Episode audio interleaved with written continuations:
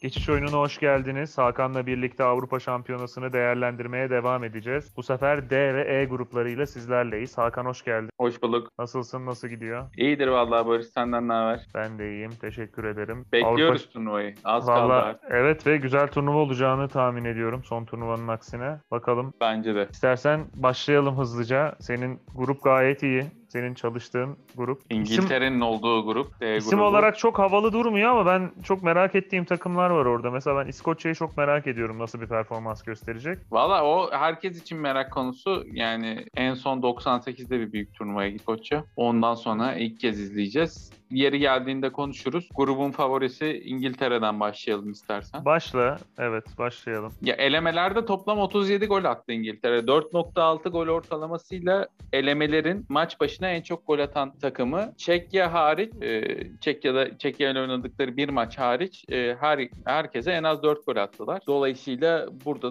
golcü bir takım karşımızda İngiltere'de ama turnuvalarda tabii elemelerdeki performanslar turnuvalara, turnuvalara her zaman yansımıyor. E, bunu Kolay da bir görebiliyoruz. Gruptu bir de yani çok ölçü olacak Evet. takımlar da yoktu. Ee, evet katılıyorum ben de. Yani bakalım hücum anlamında zorlanabilir İngiltere çünkü e, net oturmuş bir kadrosu yok. Yani Harry Kane'in yeri garanti ama sağında, solunda, ardında kim oynayacak bunu herhalde Southgate kendi bile bilmiyordur şu anda. O yüzden bizim için de biraz tahmin etmesi zor bir takım olarak gözüküyor. Daha zayıf oldukları taraf belki görece defans ve kaleci hattı diye düşünebiliriz. Çünkü defansta daha hani birbirine alışık isimler her zaman daha iyi performans verirlerken burada stoperde farklı takımlardan oynayan e, oyuncuları tercih etmek durumunda kalacak. Yine Maguire oynayacak mı ya? Vallahi şöyle Guardian'ın yazdığı 11'e göre Maguire yok. Ha iyi, iyi bari. Yani bu Guardian beklentisi tabii. Başka yerlerde farklı şeyler var ama e, ben biraz burada Guardian'ı ölçü alacağım.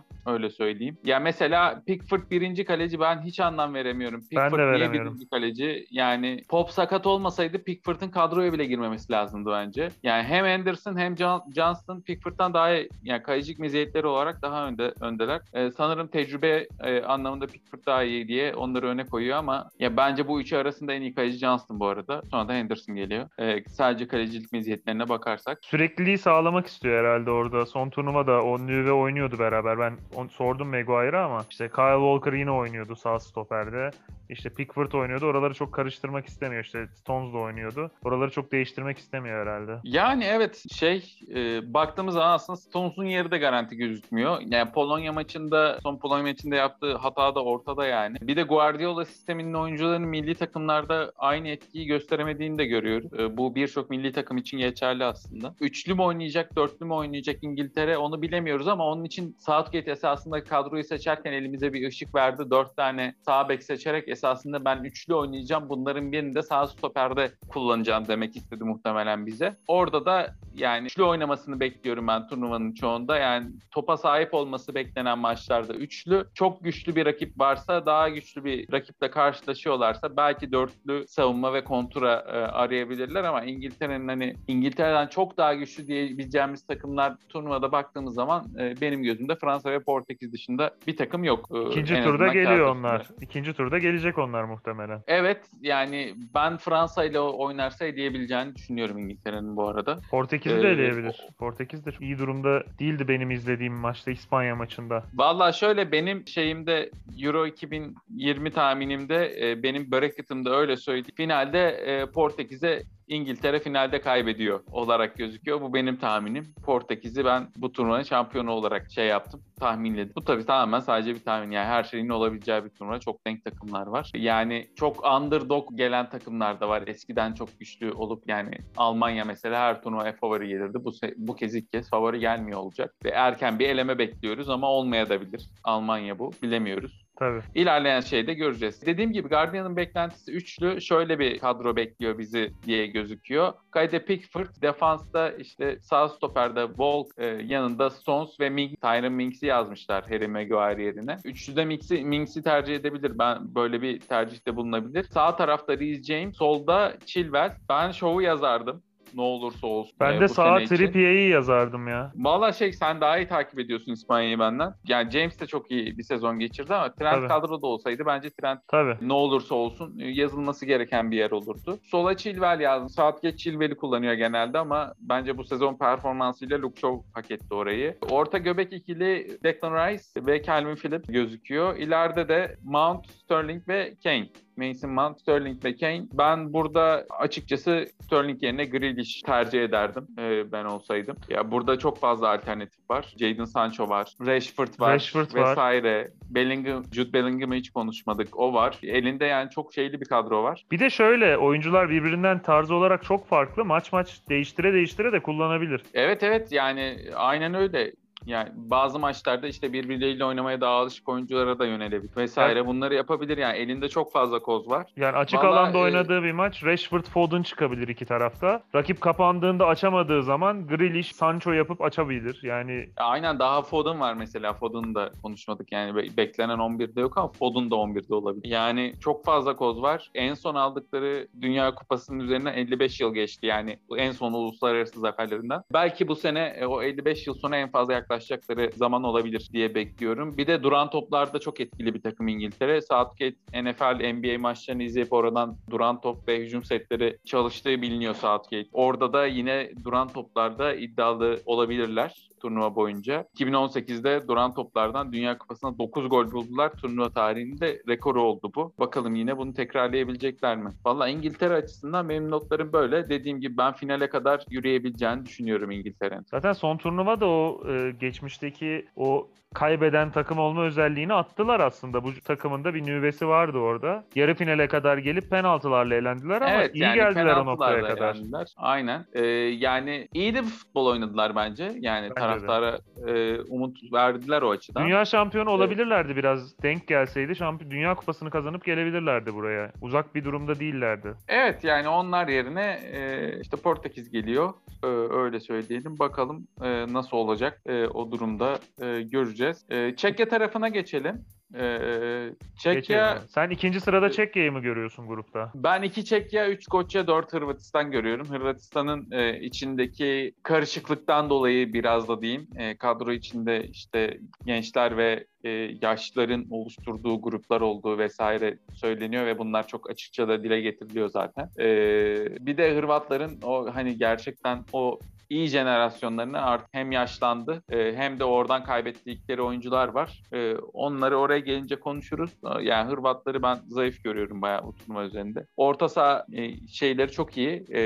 Orta saha kurguları çok iyi. Orta sahada çok iyi oyuncuları var. Ancak diğer pozisyonlar için e, rekabet güçleri çok zayıf. Bir de takım olarak da eğer birlikte kalamazlarsa e, bu gruptan şey yapmaları zor olur. Çekya tarafında e, bu takım mümkün olduğunca hızlı oynamaya çalışan, az pasla direkt kaleye gitmeye e, çalışan bir takım. Zaten hani diğer takımlara kıyasla yani Hırvatistan ve İngiltere'ye kıyasla daha e, az teknik, daha e, zayıf e, oyunculara sahip olduğunu düşünürsek e, en mantıklı yöntem bu bu olarak görebiliriz. E, ama hava toplarında çok etkili bir takım baktığımız zaman e, yani Suçek var. Suçek'i Premier Lig'de neler yaptığını biliyoruz. Hem hava toplarında hem de ceza sahası etrafında e, savunma arkasına attığı koşular vesaire çok doğru yerlerde dur- durması. Ben biraz e, Müller'e benzetiyorum e, onu. E, şeyin oyun Fellaini gibi kullanırdı biraz işte onu David Moyes herhalde. Yani bu takımın Fellaini'si gibi kullandı. Fellaini de orada evet, arkadan gelip Fellaini gibi hatta Fellaini'den daha ofans kullandı biraz. Ee, yani Suçek de bunu iyi karşıladı. Hem ofansif hem defansif e, görevlerini yerine getirdi. Ee, keza yine Alex Kral, e, Patrick Schick, e, Ondrasek, Borak hepsi hava toplarında iyi oyuncular. Burada da şeyi bekleyebiliriz yani Çekya'nın e, duran toplarda vesaire etkili olmasını bekleyebiliriz. E, 4-1-4-1 ya da 4-1 gibi dizili- diziliyorlar. E, yani Dari da genelde takımı ileriye ileriye taşımaya çalışıyor. Ee, yani izlediklerimiz bu zamana kadar Çekya tarafında bunlardı. Ee, yani Slavia Prag eksenli bir yapı olması e, Çekya'yı takım olarak daha böyle takım takım e, gösteren bir şey. E, lejyonerleri gösteren bir durum. Slavia Prag'a ekliyor gibi aslında değil mi? Ki yani o lejyonerleri de aslında Fena değil. Slavia Prag çıkışlı. Suçek, e, Alex Kral ve Kufal da, e, Çufal de e, şeyden Slavia Prag çıkışından. Hatta bu sezonun son haftasında e, Slavia Prag şampiyonluğunu e, beraber kutladılar. Onlar da e, takıma katıldı e, şampiyonluk kutlamalarında. Ki bu çok önemli bir durum. Yani e, ne kadar bir takıma daha e, yakın milli takımlar olursa yani atıyorum bir takımdan 5-6 oyuncu ilk 11'e dahil olduğu milli takımlar olursa onların daha başarılı olduğunu e, her zaman gördük bu zamana kadar. E, en güçlü yerleri orta sahanın merkezi e, Suçek ve Alex Kral var orada yine. E, Kral'ın da e, bu sene West Ham'a katılması bekleniyor. E, öyle transfer söylentileri var. Bundan sonra herhalde Slavia Prag'ın değil yani West Ham'ın galibiyetlerini falan kutlayacaklar. West Ham orada orada madeni buldu. Daha yakında evet West Ham e, Çek e, Çek mahallesine e, dönüyor gibi gözüküyor. E, güzel olacak yani bakalım. E, tarihte çok büyük şeyleri var. E, 76'da şampiyonlukları var Çekoslovakya ile tabii o zaman. E, 96'da finalleri, 2004'te de yarı finalleri var yani. Toplam başarıya baktığında İngiltere'den esasında daha başarılı bir e, takım görüyoruz tarihte. 96'dan beri e, 7. kez üst üste şampiyonada ve 96'dan beri şampiyona kaçırmayan 6 ülke var. Almanya, İtalya, Portekiz, İspanya, Fransa ve Çekya. Yani şunu, da, şunu evet. söylemek istiyorum. Bence bir turnuva takımı çekler. Yani her zaman ben Çok- şunu atıyorum. Turnuva başında bir beklentimiz oluyor. Hep onu aş- aşıyorlar. 2008'i hatırlıyorum mesela. Kadrolarını hiç beğenmiyorduk. Hatırlıyorum yani bir düşüş vardı kadrosunda. O Nedvetli falan jenerasyonun arkasından geliyordu. Ee, ya bizim grupta yani genel beklenti İsviçre ev sahibi. İşte bizim hani alt etmemiz gereken takım İsviçre gibi görüyordu. Ama e, yani Çek Cumhuriyeti yani eledik bir şekilde de yani çok iyi performans Yani. göstermişlerdi. Evet. Kadro da kötü değildi. Diğer turnuvalarda da Çekler katıldıklarında hiçbir zaman öyle kötü kötü bir turnuva geçirmiyorlar. Belki Evet, son turnuvayı kötü turnuva geçirmiyorlar. 2016 biraz. Onun dışında hep böyle beklentiyi aşıyorlar. Hep parlattıkları 1-2 oyuncu oluyor. Ben öyle anımsıyorum. Öyle hafızamda kal- kaldı gene. Ee, yani bize benzer bir yanları da var bu arada. Ee, Kudo Neskace Neci Çek. Hop hop hop. Yani zıpla zıpla zıplamayan çek değildir gibi bir tezahüratları var. Ee, bizde de bunun farklı versiyonları kullanılıyor biliyorsun. Evet. Ee, bu da güzel bir anekdot çek tarafında. Ee, ben çeyrek finalde Portekiz'e elenirler diyorum. Gruptan Ee, çıkıp bir tur daha atlayacaklarını mı düşünüyorsun? Evet, evet. Ben, ben öyle Bakalım. bir şey görüyorum. Bakalım, göreceğiz. Ee, Hırvatistan tarafına geçelim. Geçelim. Sonra da zaten kısa bir İskoçya notuyla kapatırız. Ee, şimdi 2018'de Dünya Kupası finalinde olan 4 oyuncusundan e, mahrum olacak e, Hırvatistan. E, Subasic, Strinic, Mandzukic ve Rakitic. Yani yerlerine gelen Livakovic, Barisic, Vlasic ve Petkovic iyi oyuncular ancak e, hem bu saydığımız oyuncuların turnuva tecrübesine sahip değiller e, hem de e, bunları büyük turnuva oynarken görmedik henüz. E, bakalım ne olacak bilmiyoruz. E, turnuva öncesi dediğimiz gibi kazan kaynıyor biraz Hırvatistan'da. E, Dejan Lovren bir açıklama yaptı işte e, genç oyuncular bize saygı duymuyorlar e, vesaire gibi. E, bunun üzerine de e, Ante Dalic gençler bu kadroya girebilmek için hani daha önlerinde zaman olduğunu anlamaları gerekiyor gibi bir açıklama yaptı. E, teknik direktör. Çağırmasaymış o zaman ya. E, O da enteresan hani bir durum. Yani demek ki burada daha tecrübeli oyuncularla e, kadroyu kuracak gibi e, düşünüyorum. Yani bu garip bir e, şey e, yaklaşım olmuş Ante Dalic tarafından. E, turnuvanın açılış maçında İngiltere ile oynayacaklar. Orada İngiltere için şöyle bir handikap var. Çok büyük e, yani açılış maçında dedim, grubun açılış maçında esasında. E, Hırvatistan açılış maçlarında yenilmiyor. 5 turnuva açılışında yenilmemiş. Dördünde de kalesinde gol görmemiş. E, enteresan bir durum yani gerçekten. İngilizleri zorlayacaklar açılış maçında öyle gözüküyor. Son açılışlarını Ee, birlikte izlemiştik zaten hatırlıyorsun. Evet aynen. E, bizim için çok da hoş olmadı. Evet. Neyse. Ozan'ın saçını düzelttiği maç. Aynen öyle. Ee, Uluslar Ligi'nin son maçlarında da e, kötü görüntü sergilediler. Ee, yani bu takımdaki kazanı kaynamasından da biraz etkili olabilir. Açılış maçında İngiltere'ye karşı Wembley'de zorlanırlarsa ve yani hani farklı bir skor gör- gör- görürsek oradan e, Dibe orada vurabilirler.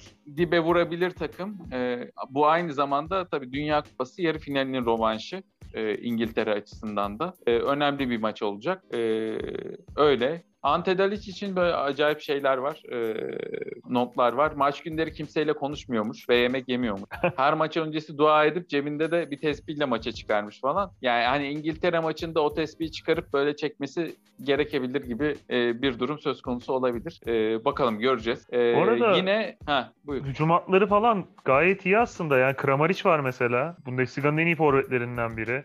Revic, Brekalo, e, sonra Kovacic, Kovacic arkada.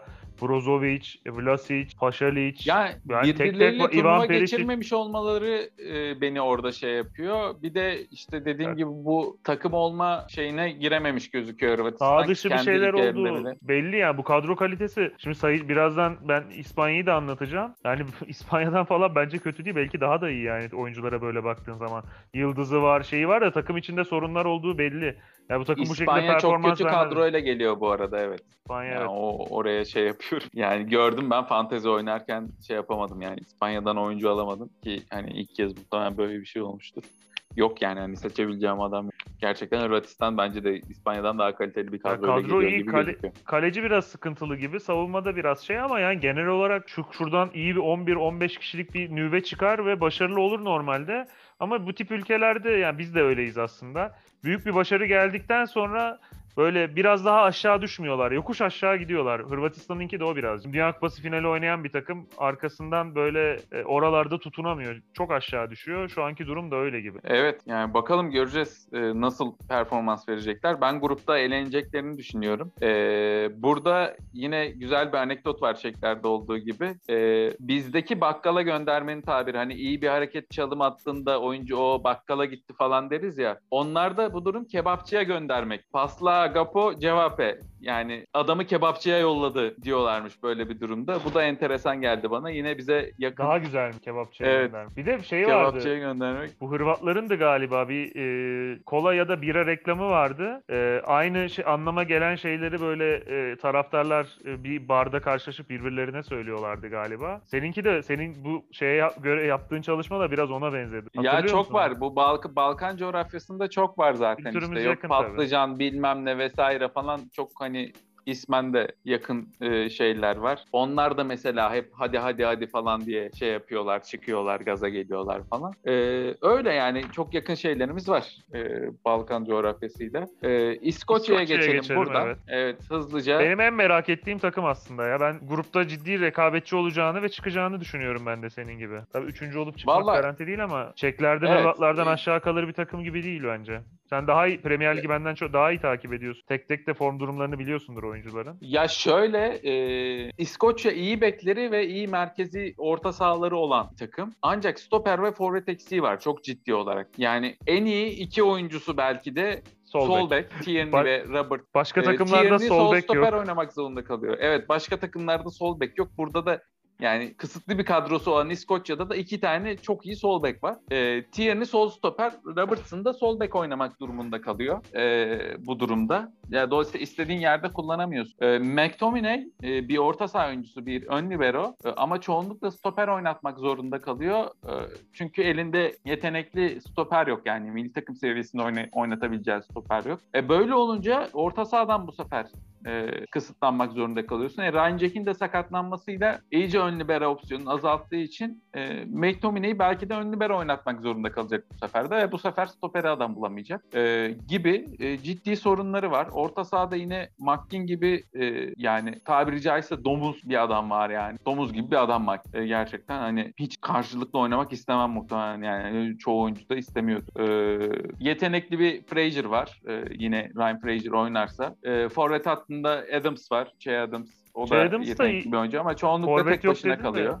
Forvet yok dedin de Che Adams fena bir tercih değil ya. Yani turnuva ortamı şeyine ortalamasına baktığında Che Adams hem ortalamanın altında kalıyor hem de tek. Yani İskoçya'da başka forvet yok baktığımız zaman. O yüzden hani genel bir hattıyla orada zayıf kalıyorlar ama çok e, kompakt bir takım. E, çok iyi savunma yapan bir takım. E, o yüzden e, ben hani İskoçya'yı burada e, şanslı görüyorum. Yani gruptan çıkma adına. E, Çekya'ya mesela Uluslar Ligi'nde iki, maç, iki maçı da kazanmışlar. E, o da hani çok e, iyi bir şey. Çekya karşısında etkili olabildiklerini gösteriyor. Bakalım göreceğiz. Burada e, takımlar birbirini kıracak gibi gözüküyor. Hırvatistan, İskoçya ve e, Çekya. E, artık hangi üçlü ya da hangi ikili buradan çıkar bekleyeceğiz. E, ikinci turda Belçika'ya eğlenirler diyorum ben İskoçya tarafı. Şöyle e, İskoçya'nın şöyle bir avantajı olabilir. E, savunma oyuncuları stoperde oynatacak oyuncu bulamıyor dedin ama yani açık alanda oynama durumları olmayacak pek stoperlerin. Muhtemelen İskoçya 3 maçta da biraz daha oyunu geride kabul edip zaten fizik gücü yüksek, çabuk oyuncuları da var ileride. E, bir şekilde oyunu tutup o mücadeleci orta sahasıyla, hızlı oyuncularıyla kontratak oyunu oynayabilir. O zaman da savunma oyuncuların defoları biraz daha arka planda kalabilir. E, o bir fırsat yaratabilir onlar için. Yani İskoçya e, mutlaka rekabetçi olacaktır bu grupta. Ben de çıkabileceğini düşünüyorum açıkçası. Yani bu üç takımın arasında oynayacağı maçlarda her skor çıkabilir. Yani bence bunu İngiltere'ye de katabiliriz yani.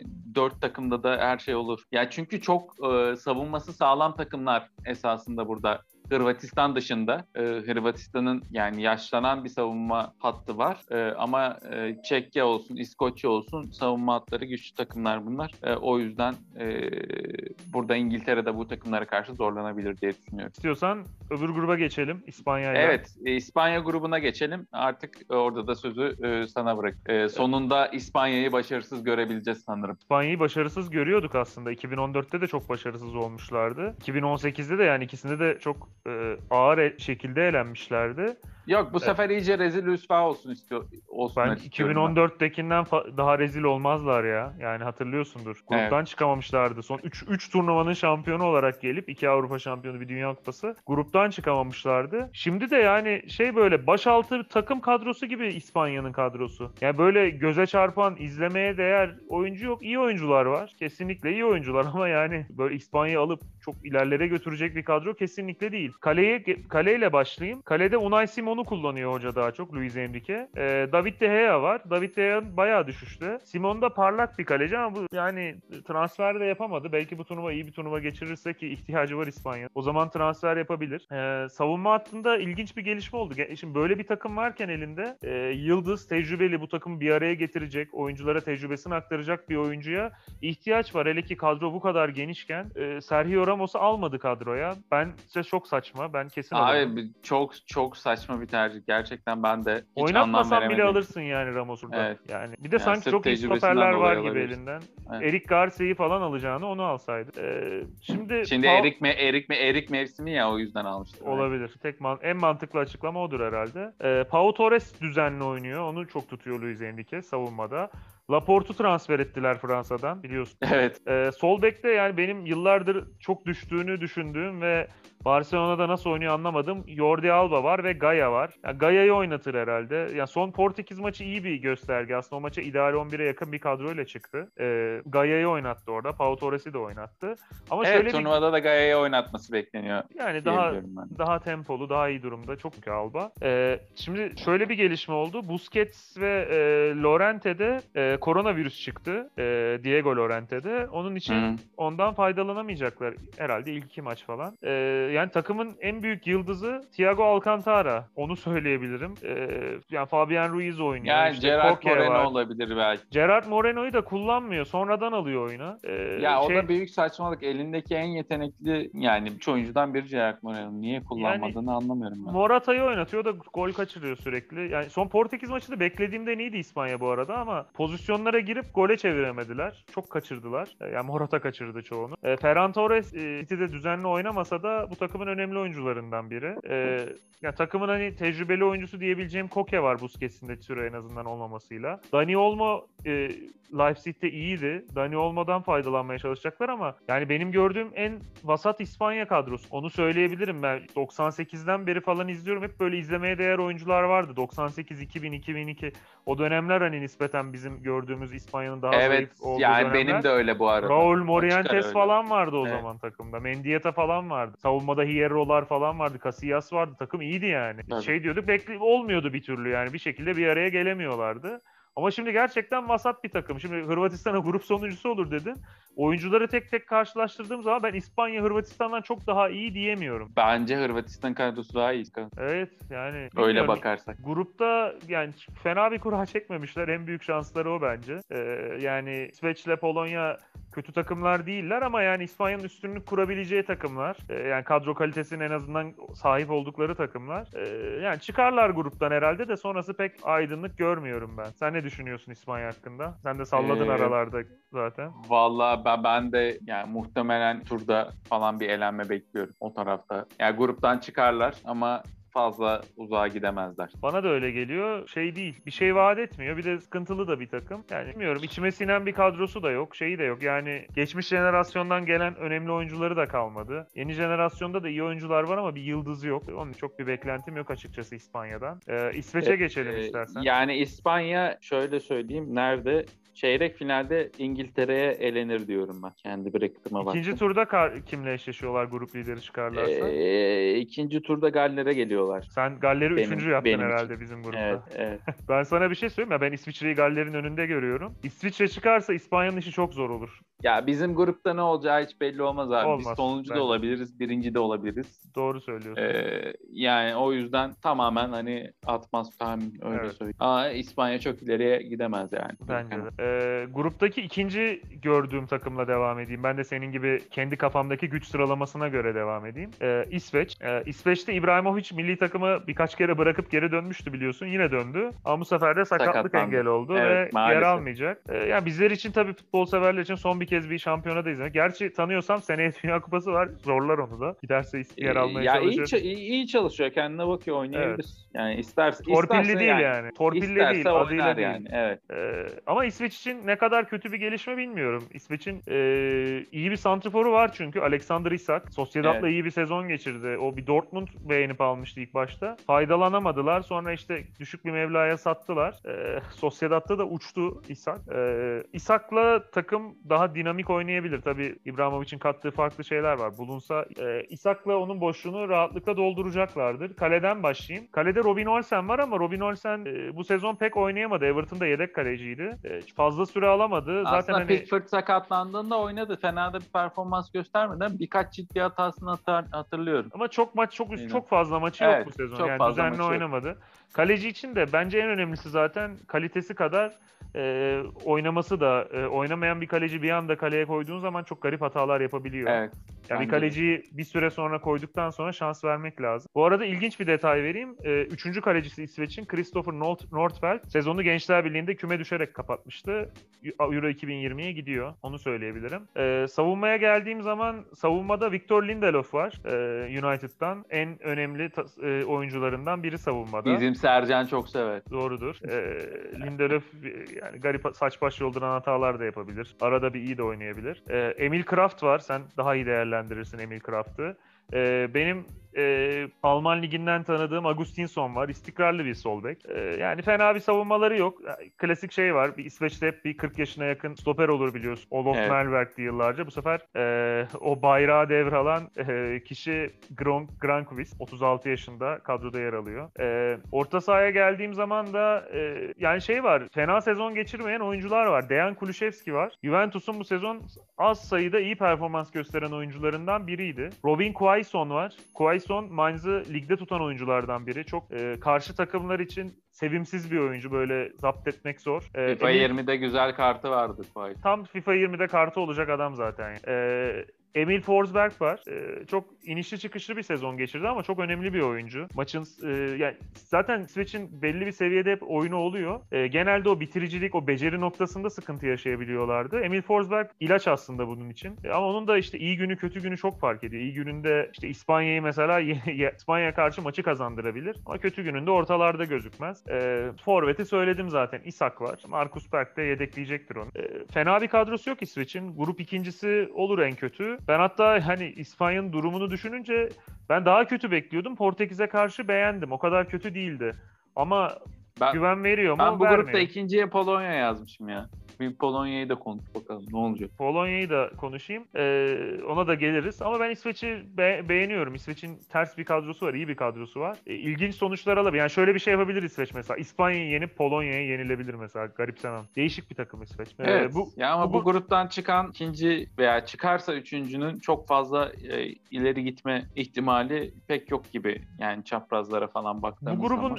Bu grubun üçüncüsü çıkar muhtemelen. Çünkü Slovakya var grupta. Yani şey e, Paspas olur diyorsun. yani evet çok şey olacağını zannetmiyorum. E, Slovakya'ya karşı 3 puanı alır hepsi. Aralarında da iki maçta sıfır çekmezler. Bir şekilde çıkarlar gruptan diye düşünüyorum. Ee, Polonya'ya geçeyim. Polonya da biliyorsun kaleci memleketi.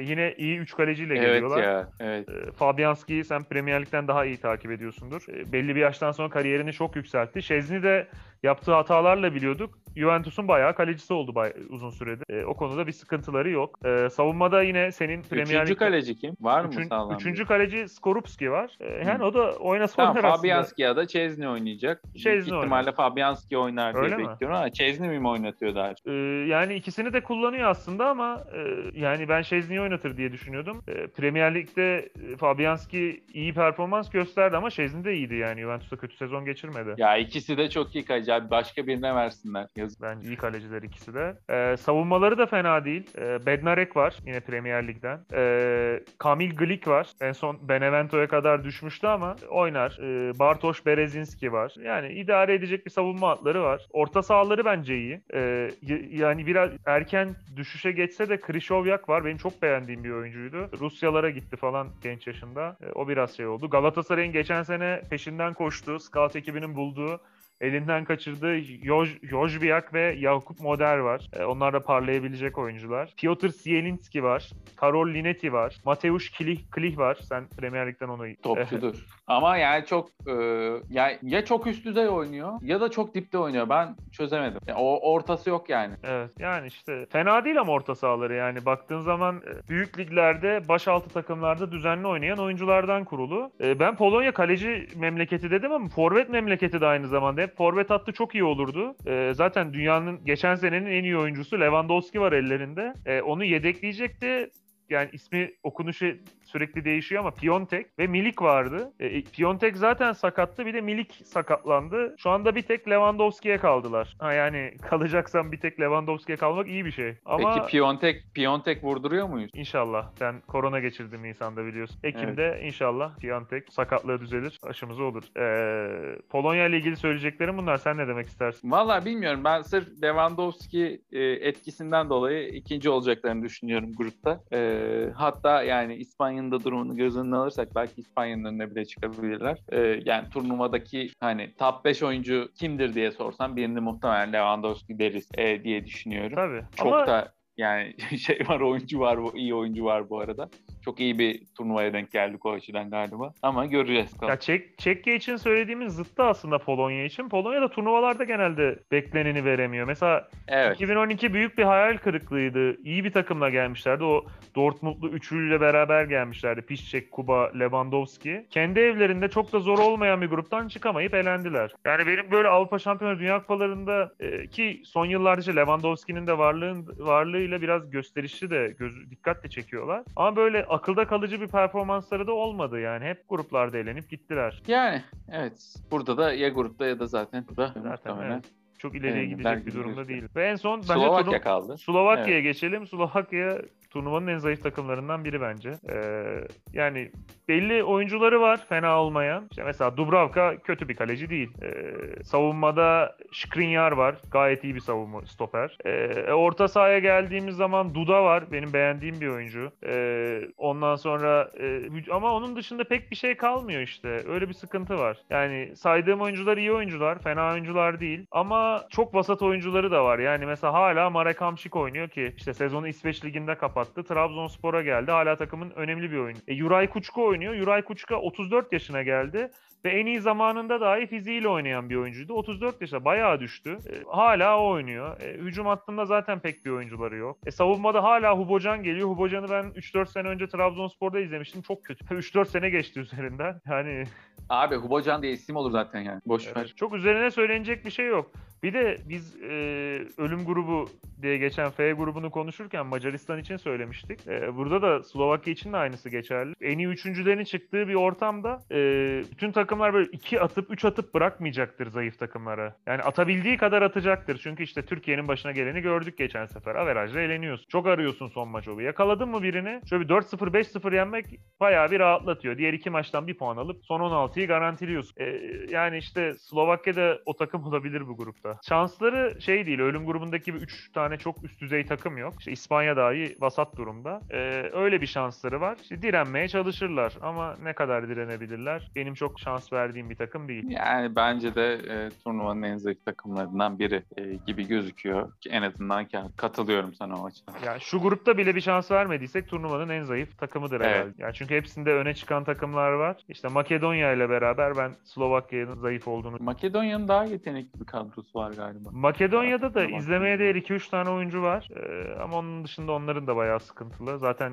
şeyden geldi. Ee, yeni formatın faydasını görerek geldiler. Bu Uluslar Ligi'nden geldiler. Onun için bakalım. Ee, eklemek istediğim bir şey var mı bu iki grupla da ilgili? Vallahi yok. Ee, Yani iki grubun toplamına baktığımızda hani çok müthiş başarılı olabilecek bir tek İngiltere e, var gözüküyor. Yani turnuvanın sonuna kadar gidebilecek. Ee, Onun dışında e, yani bizi e, hangi takım heyecanlandırıyor dersek İngiltere dışında böyle çok heyecan verici bir takım yok gibi bu iki grupta. Benim izlemeyi Ee, beklediğim İskoçya ile İsveç var. Evet. Ee, e, ben de merak ediyorum. Acaba Galler gibi bir başarı yakalayabilirler ama göreceğiz. Bakalım. Ağzına sağlık o zaman. Teşekkür ediyorum. Güzel bir turnuva bizi bekliyor diyelim. Evet. Ben Böylece grupları özetlediğimiz son programı da tamamlamış olduk. Artık Avrupa Şampiyonası boyunca da programlarımızla sizlerle olacağız. Ee, yorumlarınızla, beğenilerinizle destek olursanız YouTube'da ya da e, paylaşarak e, memnun oluruz. E, bizi dinlediğiniz için teşekkür ederiz. Tekrar görüşmek üzere, hoşçakalın. Hoş.